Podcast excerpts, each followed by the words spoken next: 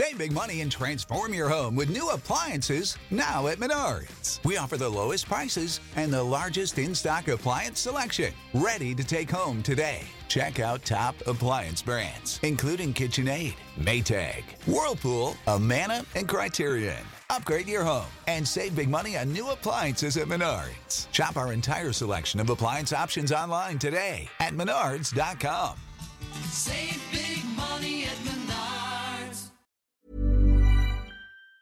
Hei alle sammen, Marius Lorentzen i Finansavisen her, og velkommen til denne spesialepisoden om boligmarkedet og eiendom. Frem mot nyttår skal vi slippe alle foredragene fra vår eiendomskonferanse som ble arrangert like før jul, og det blir snakk om både boligpriser, hoteller, næringseiendom og selvfølgelig renter. I eiendom blir det sjelden en deal uten at finansieringen er på plass, og i en verden der rentene på ganske kort tid har skutt i været, og mange går og lurer på om eiendomsselskaper rundt oss kan komme til å møte veggen, eller bli tvunget til å selge unna eiendom for å holde hjulene gående, så passer det vel knapt bedre enn å høre fra en av de som kan mest om finansiering av eiendom her i landet, nemlig DNBs leder for eiendom og entreprenør. Her har du Olav T. Løvstad. Tusen takk skal du ha, Marius. Eh, takk for muligheten til å være her igjen. Eh, jeg var her for ganske nøyaktig ett år siden. Og eh, det har eh, skjedd utrolig mye på det året. Og særlig nå, de siste seks månedene. Jeg regner med at alle som er her, har den samme lidenskapelige interessen for en veldig viktig sektor. Norges største sektor på fastlandet, eiendomssektoren, bygg- og anleggssektoren. Uh, og den er så grunnleggende viktig både for samfunnet og for, for økonomien vår. Jeg leste nylig en uh, analyse fra McKinsey hvor det fremkom at uh, to tredjedeler av verdens formue den ligger i eiendomsbransjen. og Det betyr at den har mye å si for samfunnsutviklingen. Den har også veldig mye å si for bankene. Den har mye å si for oss i DNB. for oss så har vi for tiden om lag 230 milliarder eh, mot eh, næringseiendom og også en god del inn mot eh, boligbygging, som er en annen sektor som jeg ikke skal snakke om i dag. Jeg skal holde meg til næringseiendom. Jeg har vært med på noen runder, både opp og ned. De fleste har egentlig vært opp, fordi det har nærmest vært en kontinuerlig oppgang i eiendomsbransjen i Norge i 25-30 år. Og veldig mye henger det sammen med rente. Rente er egentlig det, store, det viktige stikkordet her. Det påvirker både verdier, og det påvirker eh, kostnadssiden til selskapene. Eh, hvis vi går tilbake igjen til 98, så var det jo noen som merka den. Eh, det var også noen som merka dotcom-bølgen i 2003. Og helt sikkert noen som merka finanskrisen i 2008. Oljeprisfallet, spesielt for de som var i Rogalandsregionen, merka det veldig godt i 2014. Det tok noen år før den korrigerte seg tilbake. 2020 med pandemien gikk veldig fort over. Og så er vi i 2022. Hva er da forskjellen mellom de krusningene som jeg har kalt i ettertid, og det vi nå ser i 2022? Jo, kredittspreddene har gått ut, akkurat som de gjorde da, men det er én viktig faktor, og det er at den underliggende renten, den risiko for renten, stiger kraftig samtidig.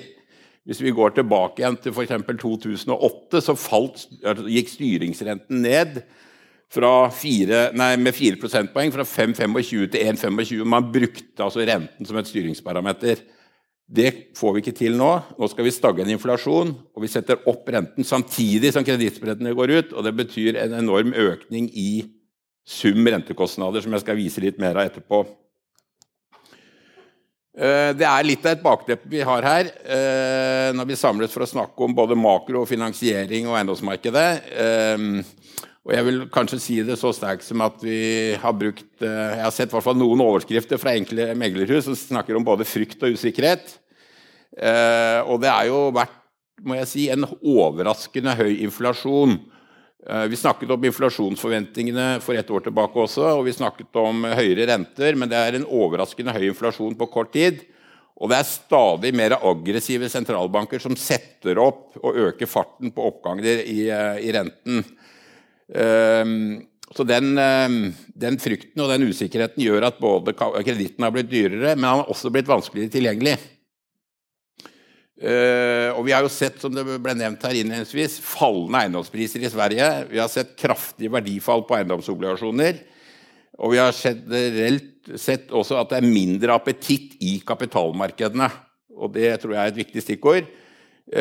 Og så har også utlånskapasiteten i de aller fleste bankene blitt redusert. og Det skyldes selvfølgelig både økte fundingkostnader, men det skyldes også eh, såkalte Basel 3-krav, eh, som gjør at eh, man får risikojusterte eh, balanser og risikojustert egenkapital, som gjør at man får et mye mer volatilt marked. Og Det tror jeg også vi kommer til å se fremover, bl.a. fordi eh, vi da får, kan få migrasjoner i porteføljer som kan gå og endre risikoklasser. og Det vil medføre større volatilitet. og Egentlig betyr det mer risikojustert egenkapital inn bak hver utlånskrone.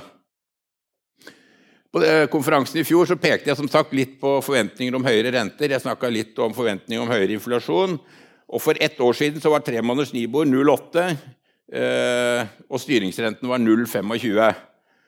Eh, og vi sa at, eh, og Norges Bank guida den gangen inn mot en styringsrente på 2% Det trodde ikke markedet noe på, så de la forward-renten var den gangen 1,8, så det lå under styringsrenten.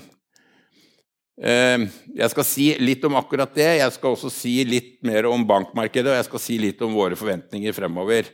Men hvis vi begynner med rentekurven, så har det skjedd veldig mye på dette året.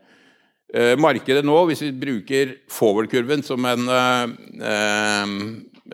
som, en mulighet til å si noe om forventninger til renten, så forventes en rentetopp nå ut fra sånn som rentekurven ser ut, på 3,7% i 2023 og før da Nibor faller utover i året. Eh, vi har da, som jeg sa i stad, en styringsrente nå på 2,5 Forventningen i markedet nå er en ytterligere oppgang i løpet av dette året på 0,25 og en ny oppgang i starten av 2023 på 0,25. og Faktisk så sier markedet og markedets forventninger at vi er oppe på 3,3% i styringsrente på topp i 2023. Jo, og hvor er vi nå på renten på Nibor-renten, som er den viktigste renten for de fleste? Ja, så er vi på 3,58 akkurat i dag. Uh, og vi har en uh, tiårs uh, Nei, det er forventning om, når vi går inn i 2023, at den skal toppe ut på 3,70, sånn som markedet ser situasjonen akkurat nå. Og hvis vi legger på forventning til den tiårs swap-renten, altså den tiårs fastrenten, som er forventet nå, så er, ligger den på drøye 3% så altså forventningen er en rentetopp i mars 2023 og med en relativt flat rentekurve deretter. Eh, og så er det sånn at eh, Dette er vel beste, eh, den beste predikasjonen vi har på renter, selv om det er veldig sjelden at han stemmer når vi ser i bakspeilet. Men det er allikevel det markedet tror. Og det er nok også den beste basen både for budsjettering og cashflow-prognose for selskaper. Hvordan så ser finansieringskostnadene ut? Jeg nevnte at bankenes finansieringskostnader har gått opp, men det er ikke bare bankenes finansieringskostnader som har gått opp. Øverst til venstre her så ser vi kredittspredden på en del sektorer. Vi ser både industri, vi ser kraftsektoren, vi ser bankene og vi ser eiendomsselskapene. Alle har den samme utviklingen, og det er usikkerheten som gjør at det blir sånn, og tilgangen på kapital. Eiendomsselskapene, hvis vi går til høyre øver, så ser vi tatt ut de fem største selskapene i det norske obligasjonsmarkedet og sett på snittet av deres kredittpåslag på fem års renter. Og per i dag så er de på drøye 2,2 uh, Og det er også et ganske så historisk høyt nivå. Hvis vi ser tilbake, så var vi der oppe på det samme under pandemien en kort periode. Men det vi ser nå, er at dette har vedvart over en lengre tid.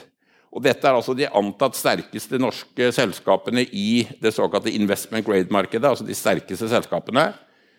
Ehm, hvis vi går ned til venstre og legge på tre måneders Nibor, så ser vi at vi også da får sum rentekostnader, og det er på helt nye nivåer i forhold til bare for et år siden. I fjor så var rentene all in mer 2 Nå begynner den å nærme seg 6% Og Det gjør utslag både som jeg sa, i cashflow og det gjør utslag i verdier. Så eh, Hvis vi gjør det samme øvelsen nederst til høyre, så har jeg bare lagt på femårsswap, og Da ser vi at eh, det er nivåer mellom 5,5-6 selv om det nå har flata ut litt den siste tiden. Faktisk gått litt tilbake også. Men femårs finansieringsselskaper eh, har, eh, er på en måte en viktig indikator for, eh, for hvor man eh, skal legge eller predikere renter på, på eiendomsselskapene. Hvis vi går til og ser på noen av de artiklene som vi har sett i Finansavisen de siste dagene, de siste ukene, så ser vi jo en av de her er jo Storebrannbygget på Lysaker. er et eksempel eh, hvor det har vært påkrevd med mer egenkapital inn i, eller inn i prosjektet. Og eiendomsselskapet søker samtidig refinansiering. Og Det er noen eksempler på det. Eh, og det er, det ett av de. Jeg skal komme litt tilbake til det. Og Her kommer et viktig stikkord inn, nemlig obligasjonsmarkedet og tilgangen eh, på kapital i markedet. Ehm, det jeg først vil si, er at dette er et marked som eh, er mer volatilt enn bankmarkedet, og har alltid vært det. Eh, men det er blitt en viktig sektor. Norske markedet for obligasjoner til eiendomssektoren var den minste aktivaklassen for ti år tilbake. Nå er det den største. Den er større enn kraftsektoren, den er større enn shipping, den er større enn alle andre aktivaklasser. Og utgjør nå 174 milliarder akkurat i dag eh, som er om lag 20% av det samla utlånet til næringseiendom. Det er et lavt tall sammenligna med andre land.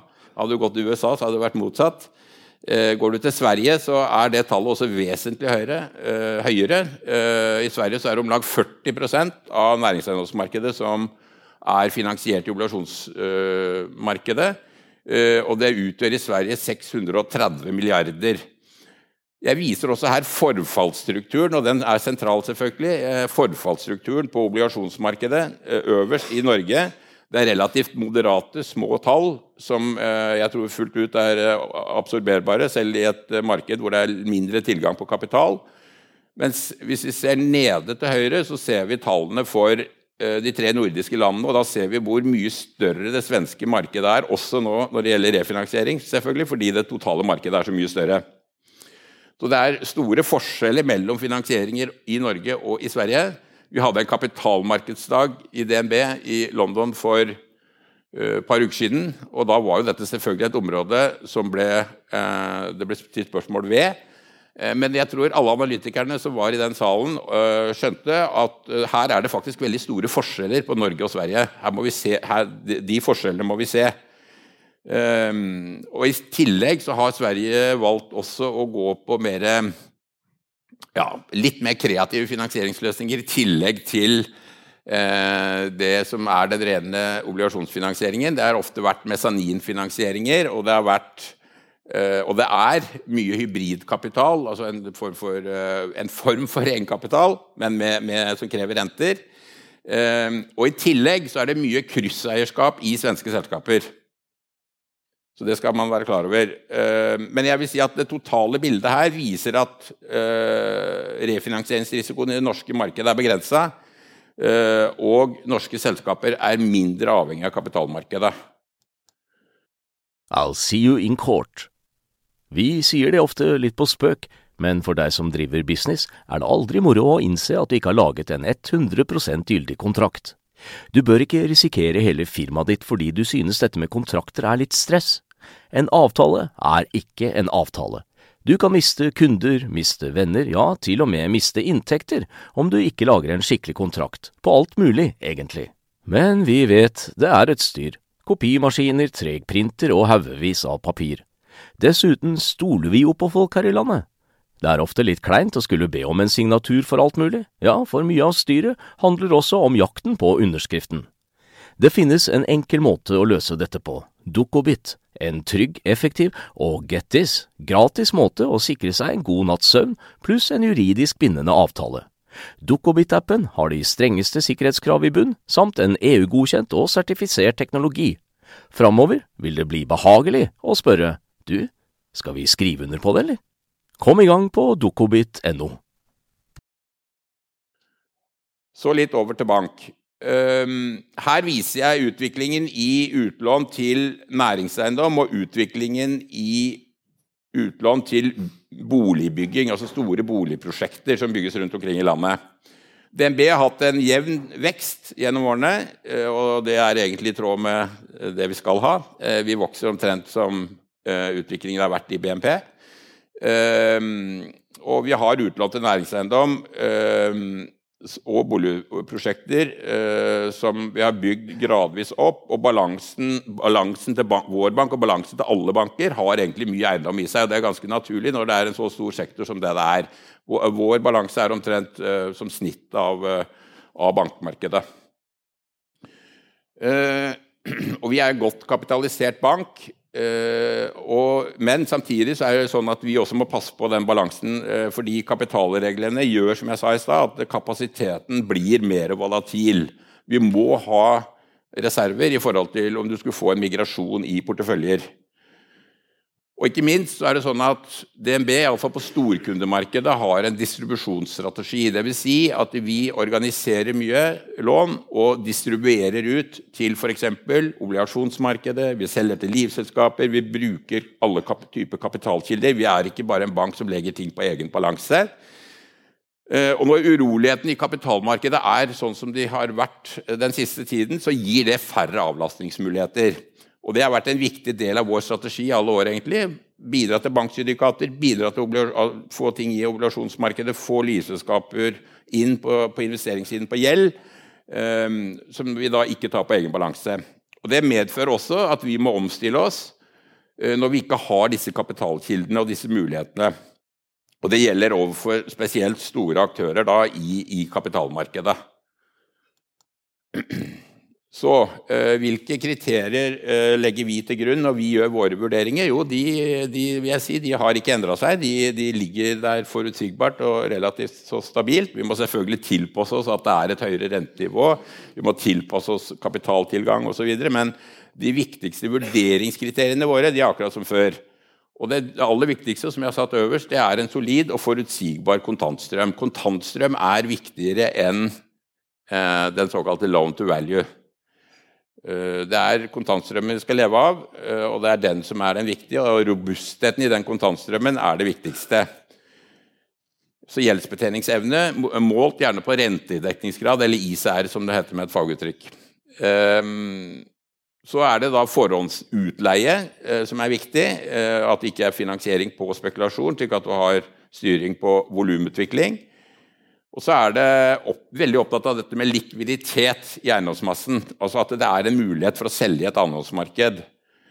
Eh, rentesikring og rentesikringsstrategi tror jeg har, eh, har alltid vært viktig, og de store selskapene har alltid hatt et uh, tett og godt forhold til det. Men, men, her tror jeg nok mange har uh, kanskje brukt renten mer for å gjøre et veddemål mot om renten skal opp eller ned.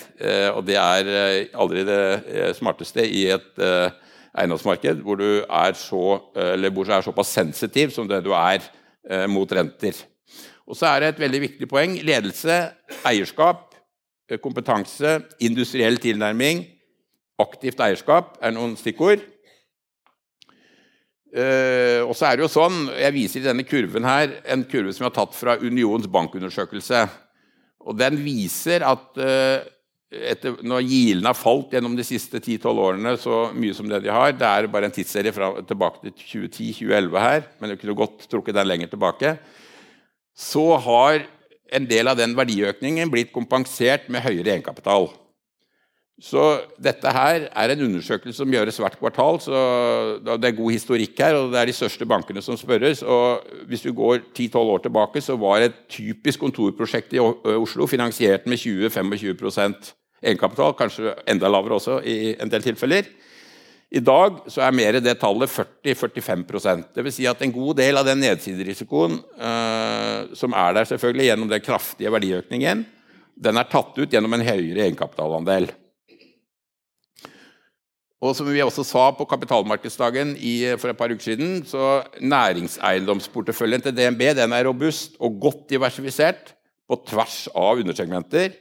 Og vår kredittstrategi har over tid vært fokusert på kontantstrømmer, industrielt eierskap og restverdier med svært begrensa eksponering mot single purpose-selskaper med finansielt eierskap. Altså det er fokus på industrielt. Eh, så er det spørsmål, det store spørsmålet eh, hvor legger GIL-nivået seg nå eh, med den utviklingen som vi har sett i renter. Rentene eh, tvinger GIL-ene opp. og Vi ser jo noen få transaksjoner eh, i markedet. Det har vært relativt begrensa med transaksjoner i tredje kvartal. Eh, jeg tipper Håkon skal si litt mer om GIL-forventninger, for alle, alle meglerhusene har jo selvfølgelig sine analyser og gjør sine vurderinger her, og det har også vi gjort. Eh, men 20-25 år med lav og stabil inflasjon i den vestlige verden har jo gjort noe med dette bildet her og GIL-utviklingen. Og det har jo vært egentlig mer deflatoriske trekk enn det har vært inflatoriske trekk de siste årene. Uh, og GIL-nivået er jo egentlig bare nåverdi, nåverdien av en evig annuitet. Så GIL-en vil sannsynligvis gå videre opp, slik bildet ser ut i dag på rentesiden. Og så Over tid så har det vist seg å være bra samvarians mellom renter og GIL, eller direkteavkastning på eiendom. Uh, og I de siste månedene så har jo da rentene steget mer enn gjeldene. Eh, og vi vurderer nå eh, prime-gjelden, selv med få datapunkter, vi har noen, eh, til å være rundt 4 eh, Og så kan man stille seg spørsmål hvorfor 4 når, når eh, femårsrenten f.eks. er rundt 3,5 eh, basert på den historiske samvariansen som jeg snakket om, så burde jo egentlig, hvis vi bare går helt slavisk på tallene, så vi, kan vi gå tilbake igjen til 2011 her. Så ser vi at da var prime yield 5,25, og da var renten på samme nivå som nå. Men det er, er, det sånn at alt er likt? Nei, definitivt ikke. Um, selv om det er kanskje et lite paradoks at uh, swappen nå er på samme, samme, nivå som prime yield. Det er altså negativt yield gap. Men hva er en av forskjellene?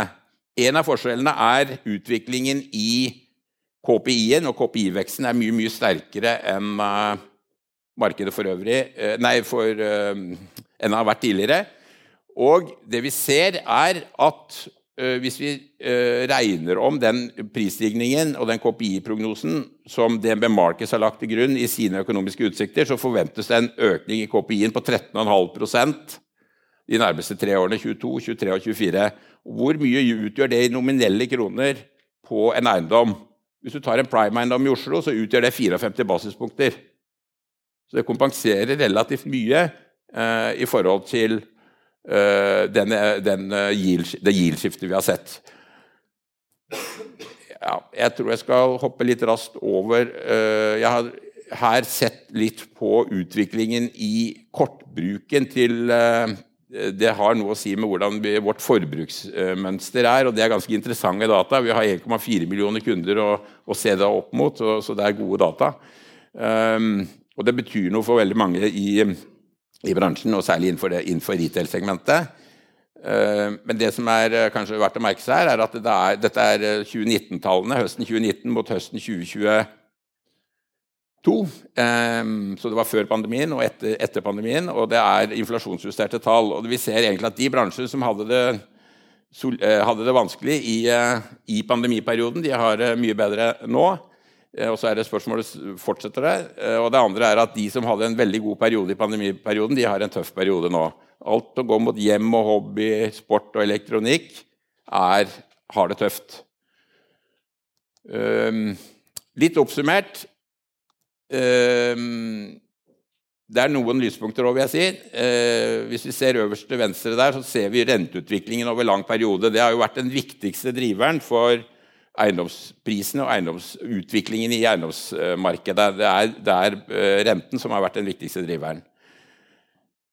Det som er det spennende nå, er jo hvordan arbeidsmarkedet går. Eh, og nå er arbeidsmarkedet knallsterkt. Det er rekordlav ledighet. Og hvis vi ser litt tilbake, hvordan er det i andre sykler? Jo, eh, f.eks. Hvis vi går tilbake igjen til 2003, 2008, 2014 og 2020, som jeg nevnte i stad så Hvis vi ser på kontorledighet, eksempel, så har den aldri vært så lav som rett foran, eller inn i sånne perioder. På slutten av en sykkel, vil jeg si.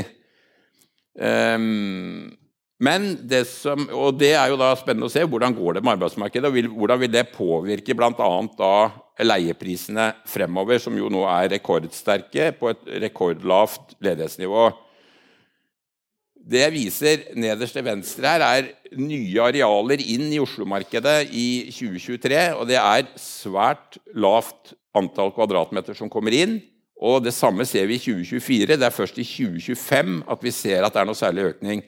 Det er viktig å merke seg, fordi det vil selvfølgelig påvirke tilbudssiden eh, og igjen eh, ha betydning for utviklingen i leiepriser. som vår forventning er relativt sterk, og som jeg tipper Håkon skal si litt mer om. Jeg ser at jeg er litt, litt på overtid, men det er et kort oversiktsbilde over hvordan vi ser finansieringsmarkedet. Vi er, vi er vi har tro på at dette her skal, vil det norske markedet klare å absorbere på en, på en, god måte, men det er som vi ser, til noe høyere priser. Og vi må få legge til grunn at det ligger en høyere rente der frem i tid, selv om man i et historisk perspektiv er relativt, relativt moderat. Takk for oppmerksomheten.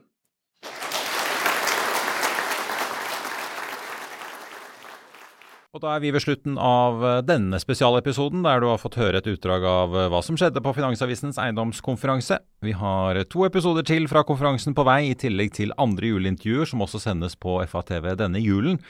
Så hvis du vil høre de, husk å abonnere på Økonominyhetene i Spotify, Apple Podcast eller der du hører på eh, podkast. Produsent for denne episoden har vært Lars Brenden Skram. Mitt navn er Marius Lorentzen. Og fra alle oss i Finansavisen, ha en riktig god jul alle sammen, og godt nytt år. Vi høres. Økonominyhetene er en podkast fra Finansavisen. Programledere er Marius Lorentzen, Stein Ove Haugen og Benedikte Storm Bamvik. Produsenter er Lars Brenden Skram og Bashar Johar. Og ansvarlig redaktør er Trygve Hegnar.